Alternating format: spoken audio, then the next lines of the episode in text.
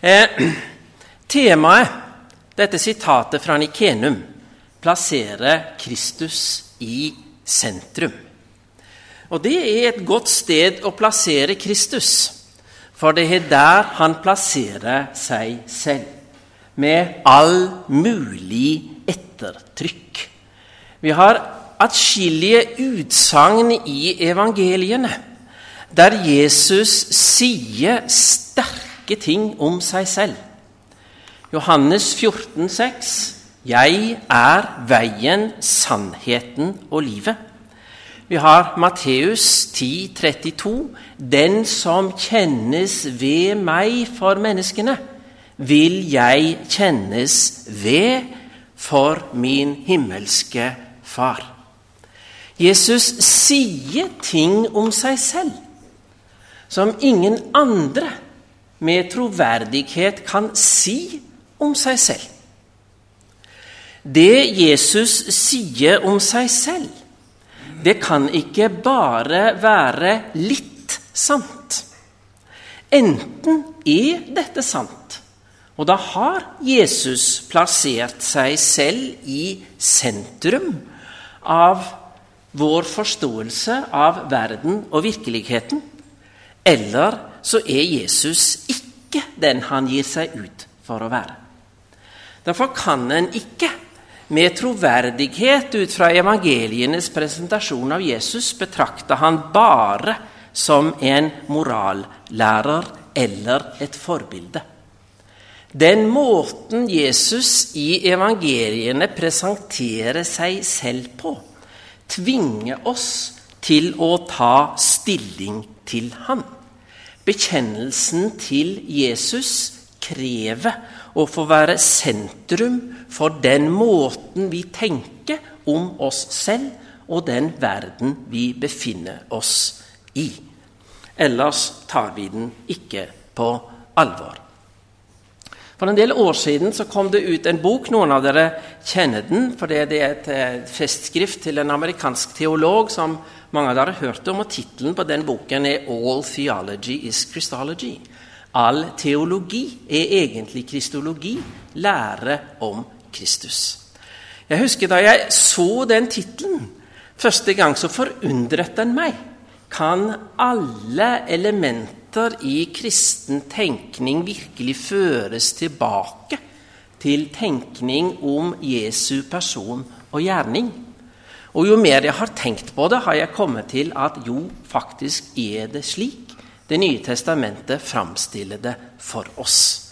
Jesus er sentrum, og slik framstilles han også i kunsten.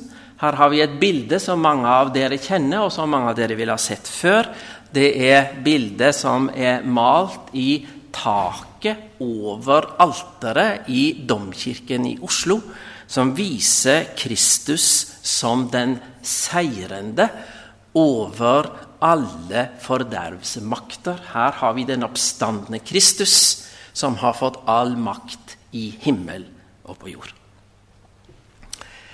Dette sitatet fra Nikenum som er temaet for det jeg skal si. Det snakker om Kristus som sentrum i skapelse og rettferdiggjørelse, han som alt er skapt ved, og som for oss mennesker for vår frelses skyld steg ned. Derfor er det naturlig å disponere det jeg her skal si, ut fra det. Og Derfor så begynner jeg med å spørre når Kristus, som setter seg selv i sentrum av det hele, skal utlegge skapelsen, hvordan gjør han det? Jo, Kristus utlegger skapelsen som en gave. Som den allmektige Fars overflødige velsignelse som strømmer over oss i alt vi gjør, og i alt vi beveger oss. Se på fuglene under himmelen. De sår ikke og høster ikke og samler ikke i hus, men den far dere har i himmelen, gir dem føde likevel. Er ikke dere mer verdt enn de? Hvem av dere kan vel med all sin bekymring legge en eneste alen til sin livslengde? Og hvorfor er dere bekymret for klærne? Se på liljene på marken, hvordan de vokser. De strever ikke og spinner ikke. Men jeg sier dere, selv ikke Salomo i all sin prakt var kledd som en av dem. Når Gud kler gresset på marken så fint, det som gror i dag, og kastes i ovnen i morgen, hvor mye mer skal han ikke da kle dere, dere lite troende? Eh, vi kan si at det Jesus her gjør, er å fornye perspektivet fra første Mosebok kapittel 2, der Gud sier til Adam Se denne hagen som jeg har plassert deg i. Du kan fritt gå rundt og spise av alle av fruktene på alle trærne og ta imot all velsignelse. Og Vi kan godt, synes jeg, kalle dette for skapelsens evangelium. Vi får vandre i velsignelser. Derfor har de helt rett som sier at vi finner Gud i naturen. For naturen er et overflødighetshorn av Gud Faders omsorg og velsignelse for oss. Eh, vise teologer har forsøkt å sammenfatte dette i et uttrykk som jeg er blitt glad i. Og Jeg må sitere det på engelsk først. De sier om virkeligheten at den er 'suspended in transcendence'. Eller eh, gjengitt på norsk den verden, den virkelighet vi befinner oss i, er forankret i Guds egen virkelighet. Det er Gud som er nærværende hos oss og i oss med sine gaver, med sine velsignelser, hver tid og stund vi lever og trekker pusten. Det er mitt punkt én. Kristus utlegger skapelsen som gave. Men jeg skal ikke slutte enda, for jeg har jo et punkt to, og til og med tre og fire. Punkt to. Hvordan utlegger Kristus også skapelsen? Jo, som et krav. For slik deres himmelske Far er, overstrømmende i velsignelse slik skal dere også være. Dere skal være fullkomne, liksom deres himmelske Far er fullkommen. Den samme holdning av ubetinget omsorg, kjærlighet og velsignelse som vår himmelske Far viser oss, den er vi også skyldig å vise hverandre. Dette står veldig sentralt i Jesu forkynnelse. Da Jesus ble spurt om å sammenfatte loven, så gjorde han det ved å sette sammen to ulike sitater fra loven i Det gamle testamentet til det som vi kaller det dobbelte kjærlighetsbud, som vi finner i Matteus kapittel 22. Du skal elske din himmelske Far av hele ditt hjerte, av all din sjel, av all din makt. Og du skal elske de neste som deg selv. Fordi den som er elsket, skal elske selv. Ubetinget, reservasjonsløst overfor Gud og medmennesket. Og Paulus han hadde grepet dette i et av de mest kjente avsnitt av Det nye testamentet. Et av de mest kjente avsnitt i verdenslitteraturen. Første Korinterbrev, kapittel 13, der Paulus utlegger den guddommelige kjærlighet som norm for livet.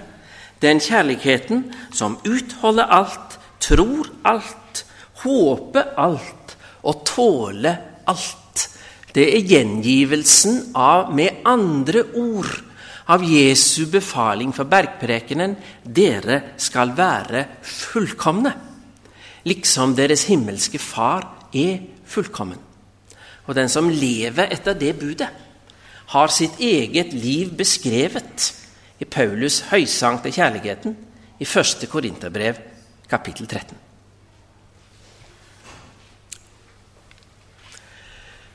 Dette er Jesu beskrivelse av gaven. Som ubetinget, Jesu beskrivelse av skapelsen som ubetinget gave. Og som uendelig krav. Begge deler samtidig. Så er da spørsmålet hvordan forstår vi denne gaven? Det kan være så ymse. Og det er mange feilkilder i vår forståelse som gjør at Jesu utleggelse av skapelsens evangelium og skapelsens krav er noe vi ikke får tak i. En grunn til det er en tendens som vi ser i tenkning og utbredt i den alminnelige kulturens alminnelige virkeforståelse i løpet av de par, siste par hundre år, som er å forstå virkeligheten som et nakent faktum. Som er analyserbar reduserbar til naturlover, og som kan beskrives matematisk. Forståelsen er ikke feil så lenge den blir et delperspektiv, men den blir gal og misvisende når den forstås som et helhetsperspektiv på forståelsen av Guds skaperverk, for da mister vi poenget.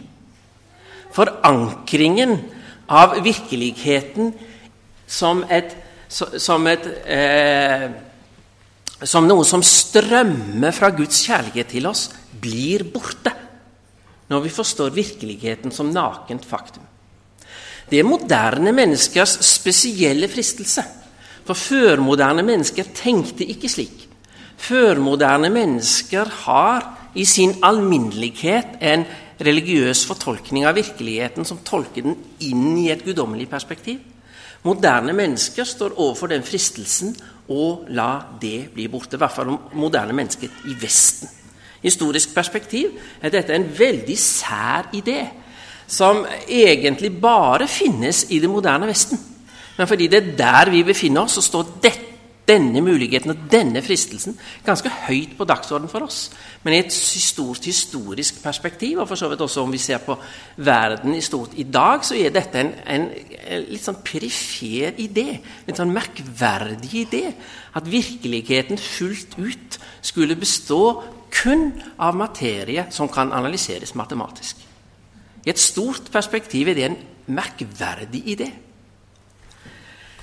Det er den ene måten som vi kan gå glipp av skapelsens evangelium på. Den andre er det vi da kaller reduksjonistiske virkelighetsforståelser. Den andre er en mye mer allmennmenneskelig trekk som finnes gjennom hele historien. Vi har den også i Bibelen. Og Det er forståelsen av skapelsen som tvetydig fordi det møter oss så mye i verden som ikke synes å vitne om Guds faderomsorg. Det vi enkelt kan redusere til det ondes problem, møte med lidelse, motgang, eh, fattigdom, vanskeligheter, naturkatastrofer i verden slik vi opplever den, ja, så ser vi jo mange ting, slik som vi leste fra, fra Bergprekenen Matteus 1, som synes å vitne vitne om Guds velsignelse, men vi ser jo også så mange ting som synes å vitne om noe annet. Og dette har alltid vært der. Og den, dette problemet er ikke noe spesielt moderne. Det, det er en utfordring som alltid har vært der. Derfor så blir det veldig ofte for oss slike mennesker at skapelsens evangelium det er noe som vi aner, men som vi ikke makter å tro. For Gud framstår ikke for oss enstydig som en far med farsomsorg for oss i betraktningen av den skapte virkelighet som vi ser om oss. Der ser vi tegn. Også om vi lar det reduksjonistiske eh, hvile og går inn i en mer eh, teologisk fortolkning av virkeligheten, så er den ikke entydig, fordi vi ser trekk som peker i ulike retninger. Konsekvensene for oss av det er at vi sitter med spørsmål. Vi sitter alle med de spørsmålene i deler av vår personlighet, og de er sterkere og svakere til ulike tider. Kan en god Gud ha skapt den verden vi opplever, som er så tvetydig? Er Gud for oss alle gode gavers giver, og bare det? Også når det røyner på, når livet blir vanskelig, når vi blir stående alene, når våre nærmeste svikter oss eller dør fra oss, makter vi å forholde oss til Gud som giver av gode gaver, også da? Eller må vi gi i vårt hjerte rom for forståelse av slangens spørsmål i første Mosebok kapittel 3?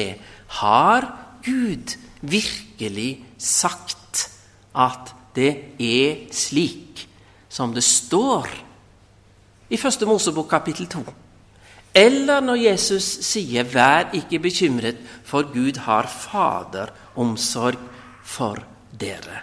Har Gud virkelig sagt dette? Kan vi stole på det? Vi klarer ikke å ta inn over oss skapelsens evangelium ved å betrakte skaperverket. Hvordan forstår vi så kravet som Jesus kommer med? Jo, det må vi omtolke. Hvis ikke vi makter å forholde oss til Gud som den gode giver av alle gode gaver, så er vi helt nødt til, simpelthen for å kunne forholde oss til det, å omformulere kravet slik at det blir praktiserbart. Det kan da ikke være slik ment. Når Jesus sier 'dere skal være fullkomne', så kan vi jo ikke ta det etter bokstaven. For det kan jo ikke være ment sånn. Det lar seg jo ikke praktisere. Fullkommenhetskravet blir til Gjør så godt du kan. Det må da være det han mener. For noe annet er det jo helt umulig å forholde seg til. Ingen som ikke makter å tro på Gud som den gode giver av gode gaver uansett, makter å forholde seg til Jesu utleggelse av loven og kravet som absolutt og ubetinget fullkommen kjærlighet under alle forhold. Det tror jeg er en allmenn sannhet som gjelder både de som avviser gaven, reduksjonistene, materialistene. De klarer i hvert fall ikke å ta kravet på alvor. Men også de som oppfatter Gud som tvetydig. Heller ikke de klarer å forholde seg til Jesu krav som absolutte. Jeg skal eh, gi et konkret eksempel på dette som, som gjør det liksom litt mer håndgripelig og, og, og, nærværende. og Da er det veldig nærliggende å bruke ekteskapsetikken som eksempel. Ikke bare fordi den er omstridt, men fordi det er det eksempelet Jesus selv bruker. Det står faktisk ganske sentralt hos ham. I, forholdet til ekteskapet så er Jesus helt bekymringsløs når det gjelder å konkretisere det absolutte krav. Den som begjærer en annen, har brutt det sjette bud. Den som skiller seg, har brutt det sjette bud. Og disiplene de skjønner jo hva Jesus her er ute etter. Så de sier jo helt korrekt De sier jo helt korrekt dette lar seg jo ikke praktisere. Dersom det er slik mellom mann og kvinne, da må den jo eneste konsekvensen være å ikke gifte seg, sier de. Det er kanskje å stikke hodet i sanden, fordi eh, en klarer antagelig ikke å eh, unngå det Jesus er ute etter, bare med å la være å gifte seg. Men de har i hvert fall tatt poenget. Dette får vi jo ikke til. Altså Her aktualiserer du fullkommenhetskravet. Når vi, når vi liksom får det som et sånt prinsipielt prinsipp, dere skal være fullkomne, da kan en kanskje liksom tenke det sånn abstrakt prinsipp. Men dette konkretiseres helt ned i ekteskapsetikken og seksualetikkens daglige utfordringer, da blir det jo håpløst. Altså Da blir det jo en norm der vi alle kommer til kort. Og det forstår disiplene. Dette lar seg ikke praktisere, sier de. Og Det er også vår reaksjon. Hele samlivsetikkdebatten henger på det ene punktet. En forståelse av at Jesu absolutte krav i den ene eller den andre eller den tredje retning de må transponeres og moduleres ned i en toneart som gjør at det blir praktiserbart for moderne mennesker. Ellers er det jo uaktuelt. Men det er ikke der Jesus er. Han er ikke interessert i praktiserbarhet. Han er, han er interessert i det absolutte ubetingede, både som gave og som norm. Og Disiplene forsto i hvert fall det, selv om det var mye annet de ikke forsto. Dette var første halvdel. Jesus som utleggelse av Jesu utleggelse av skapelsen. Så kommer vi til andre hoveddel. Hvordan utlegger Jesus rettferdiggjørelsen? Svaret på det spørsmålet bør nå ikke komme som en overraskelse for noen. Han utlegger frelsen og rettferdiggjørelsen som en helt ubetinget gave.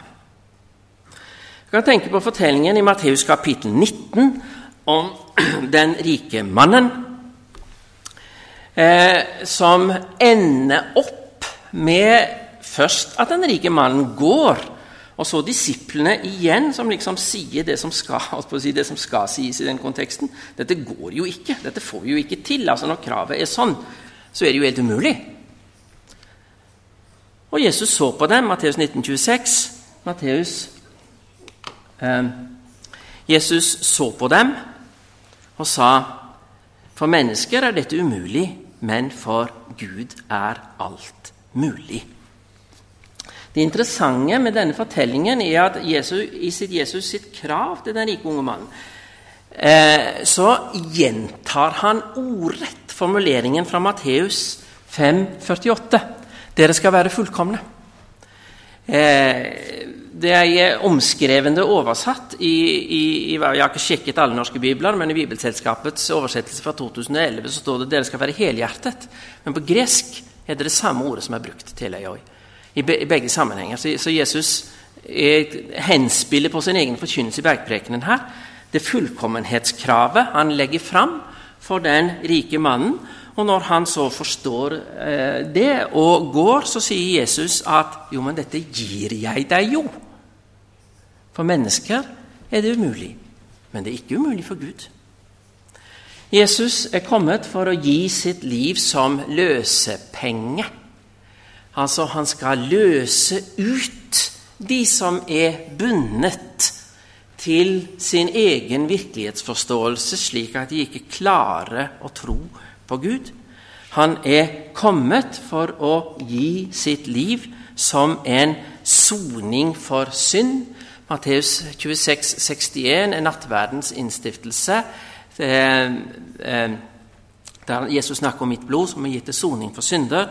Johannes 2, 19 er det ordet der Jesus sier 'riv ned tempelet, og jeg skal bygge det opp igjen på tre dager'.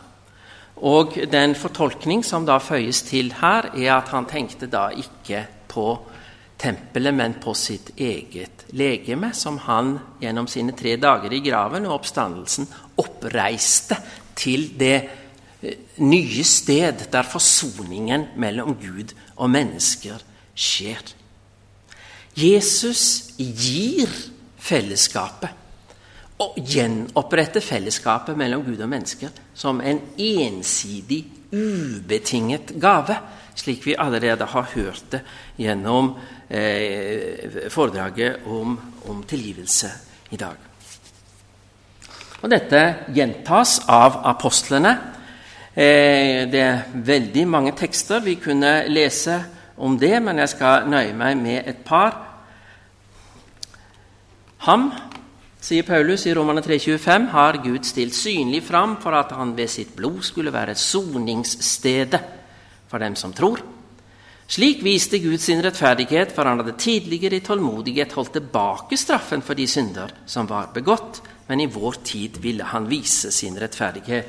Og 1. Johannes 2,2.: Han er en soning for våre syndere, ikke bare for våre, men for hele verdens den helt ubetingede gave som tar oss inn i gudsfellesskapet slik vi er, uten å kreve noe av oss. Men Kristus utlegger også rettferdiggjørelsen som et ubetinget krav. Den som er tilgitt, skal selv tilgi. Tenk på lignelsen om den ubarmhjertige medtjeneren Matteus 18, han som hadde fått en uendelig gjeld tilgitt, og så ikke kunne møte sitt medmenneske med tilgivelse i småting. Dette er svært sentralt i Jesu forkynnelse. Dette at den som er tilgitt, selv skal tilgi, selv skal møte andre med den samme ubetingede omsorg og tilgivelse som en selv har møtt. Det ligger bl.a. til grunn for det jeg noen ganger har omtalt som den dristigste bønnen i Fader vår. Hvilken er det? Jo, det er 'tilgi oss vår skyld', slik også vi tilgir. Hadde dere tenkt på hva vi sier når vi ber det? Vanligvis så gjør vi Guds handlinger til norm for oss. Men her er Jesus så dristig at han tillater seg å snu det. Han ber Gud handle med oss slik vi er med hverandre. Slik jeg tilgir mitt medmenneske, kan du tilgi meg på den måten, Gud. Slik er det vi ber her. Så nært knytter Jesus sammen Guds ubetingede tilgivelse med vår egen tilgivelse. Og at dette er viktig for Jesus, ser vi også av det faktum at dette er den eneste av bønnene i Fader vår som Jesus uttrykkelig selv kommenterer i Matteus kapittel 6. For dersom dere tilgir menneskene de misgjerningene de har gjort, skal også deres himmelske Far tilgi dere. Men dersom dere ikke tilgir menneskene, skal heller ikke deres Far tilgi de misgjerningene dere har gjort. For å sammenfatte det er en nær sammenheng mellom skapelse og rettferdiggjørelse i Det nye testamentet. Både skapelse og rettferdiggjørelse har ett sentrum. Det er Jesus Kristus. Både skapelse og rettferdiggjørelse sier ut fra Det nye testamentet det samme, nemlig at Gud møter oss med absolutt og ubetinget omsorg, som samtidig er et absolutt og ubetinget krav. Men målgruppen for, det, for, for skapelsens og rettferdiggjørelsens evangelium er forskjellig. Skapelsens evangelium gjelder alle mennesker. For alle lyder det et budskap om at Gud gjennom sitt skaperverk møter oss med en uendelig omsorg. Rettferdiggjørelsens evangelium gjelder bare syndere. Og fordi vi mistror Gud, fordi vi alle mistror Gud, så trenger vi denne gjentagelsen. Men den gjelder like absolutt og ubetinget som skapelsens evangelium. Vi kan like lite unndra oss Guds eh, oppsøkende, rettferdiggjørende makt når den først er blitt presentert for oss i evangeliet, som vi kan unndra oss Guds skapermakt. Lukas 18, 14, Tolleren og fariseeren i tempelet. Tolleren hadde ingenting annet å si om seg selv at han var en synder, og dermed hørte hjemme i den kategori som rettferdiggjørelsens evangelium gjelder for. Og det, om det sier Jesus at han gikk rettferdiggjort hjem til sitt hus.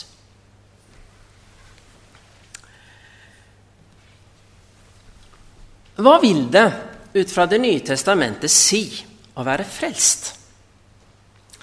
Jeg tror vi kan sammenfatte det med utgangspunkt i det jeg har sagt så langt, med å si at frelse, det er evnen og muligheten til å leve med kravet og gaven fullt ut samtidig, uten å korte av på noe. Og de to ting hører sammen, for en har aldri det ene uten det andre. Begge deler gjelder ubetinget og uavkortet samtidig. Gaven er at fullkommenhetskravet er oppfylt. Jesus har realisert det, ikke bare for seg selv, men han har realisert det på en slik måte at han slutter oss alle inn i Guds velsignende, sonende kjærlighet. Det er en realitet, uavhengig av vår kompetanse og våre bedrifter. Forpliktelsen, fullkommenhetskravet, gjelder imidlertid absolutt og ubetinget fremdeles.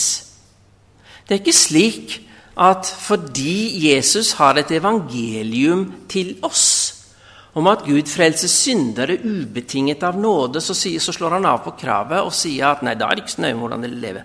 Han sier kravet består fullt ut fremdeles. Lukas kapittel 17, som gjelder prekentekst på søndag, der sier Jesus at dere skal gjøre det dere er skyldige å gjøre, og når dere har gjort det dere er skyldige å gjøre, skal dere si om dere selv at vi er unyttige tjenere. Det siterte Augustana artikkel 6 har jeg vært innom Augustana også i dag. Det er det eneste jeg har tenkt å si om Augustana i dag. Eh, og Johannes 8,11, som er fortellingen om kvinnen som var grepet i ekteskapsbrudd, og som Jesus møter med den helt ubetingede evangelium om tilgivelsen. Heller ikke jeg fordømmer deg. Men kravet gjelder fremdeles. Gå bort og synd ikke mer. Jeg tror vi godt kan komme tilbake til Matteus 5,48 som en nøkkeltekst her. Oppsummeringen, avslutningen av det første kapittelet av Bergprekenen. Liksom deres himmelske Far er fullkommen. Vår himmelske Far er fullkommen i sin kjærlighet til oss. Det betyr at våre kompetanse og bedrifter ikke inngår i Guds holdning til oss. Den er ubetinget fullkommen kjærlighet under alle forhold. Det er vi kalt til å realisere overfor medmennesker. Men Jesus sier aldri at Guds fullkommenhet i sin kjærlighet til oss er betinget av vår evne til å realisere det andre. Til er vår evne til å realisere kravet. Derfor kan begge deler bli stående. Derfor er det mulig å leve med det absolutte kravet uten å gå under.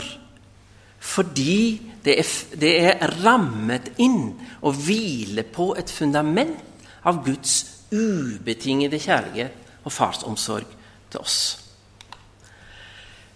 Det handler om å hvile og vokse i nåden. Å hvile i nåden fordi frelsesverket er sonet. Og det er ikke mulig på noe tidspunkt å legge noe til, samtidig som nåden skal vokse i oss, slik at den samme holdning av betingelsesløs nåde, kjærlighet og omsorg er noe vi skal vise andre. Her står Kristus definitivt i sentrum, i den forstand at Det nye testamentet mange ganger og på mange måter gjentar et budskap om at det vi kan kalle delaktighet i Kristus, er en absolutt betingelse for å tenke riktig om dette. Ta mitt åk på dere sier Jesus i denne teksten, Matteus 11, 29, som handler om at dere skal komme til meg, dere som strever tungt å bære, og jeg skal gi dere hvile. Men ta dette samme åket på dere. Bli i meg. Til Kristus får vinne skikkelse i dere, sier Paulus i Galaterne 4,19 den ubetingede omsorg og kjærlighet som Kristus viser oss, skal vinne skikkelse i oss. Ja, I 2. Peters brev, kapittel 1, så settes dette helt på spissen med en formulering som er så dristig at jeg hadde aldri våget å gjenta den hvis den ikke stod i Det nye testamentet. For der står det at vi skal få del i guddommelig natur. Eh, men det er, eh, tror jeg, det samme dette handler om som Jesu fullkommenhetskrav. Dere skal være fullkomne. Dere skal, være, dere skal praktisere den samme kjærlighet som dere er omsluttet av. Det, konsekvensen av dette er et evangelium som gir frelsesvisshet. For slik Det nye testamentet framstiller dette, så er min relasjon til Gud Fader like sikker som Sønnens relasjon til Faderen. Ja, i sin ypperste prestelige bønn i Johannes kapittel 17 så trekker Jesus uttrykkelig de troende inn i fellesskapet mellom Faderen og Sønnen. Ehm.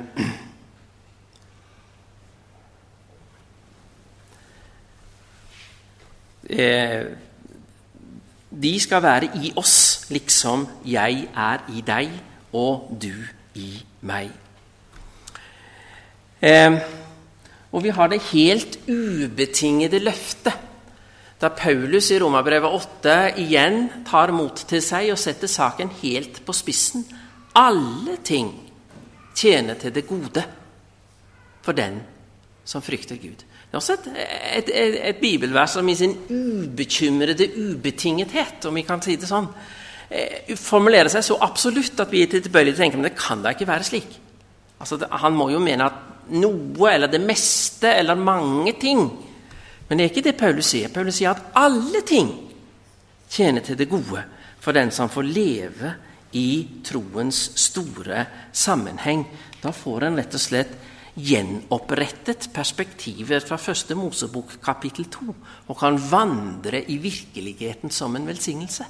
Fordi en er viss på Guds faderlige omsorg i alle ting. Sammen med dette får vi nestekjærligheten som absolutt norm. Hvilket betyr at det er alltid rom for forbedring. Det er ikke et problem at målet enda ikke er nådd. For selv om målet enda ikke er nådd, så er vi alt, Selv om målet enda ikke er nådd, så er vi alltid omgitt av Guds ubetingede faderomsorg. Så det er ikke et problem at målet ikke er nådd. Problem blir det først når målet blir oppgitt. Og vi begynner å si at det kan da ikke være sånn ment. Matteus 5, 48 om Guds fullkomne kjærlighet til oss gjelder alltid og ubetinget under alle forhold. Og det er heller ingen grenser for tilgivelsens mulighet. Det er alltid et rom for å gå et skritt til, for å elske fram det beste i våre medmennesker, slik at vi realiserer det som Paulus omtaler som å utholde alt, tro alt, håpe alt og tåle alt. I praksis kan vi likevel komme til å måtte sette grenser. Både evangeliene og, og, brevene har avsnitt om det, som sier noe om at mennesker som gjør oss vondt og vil oss vondt og gjør det som ikke er rett, kan en i visse sammenhenger måtte sette praktiske grenser for.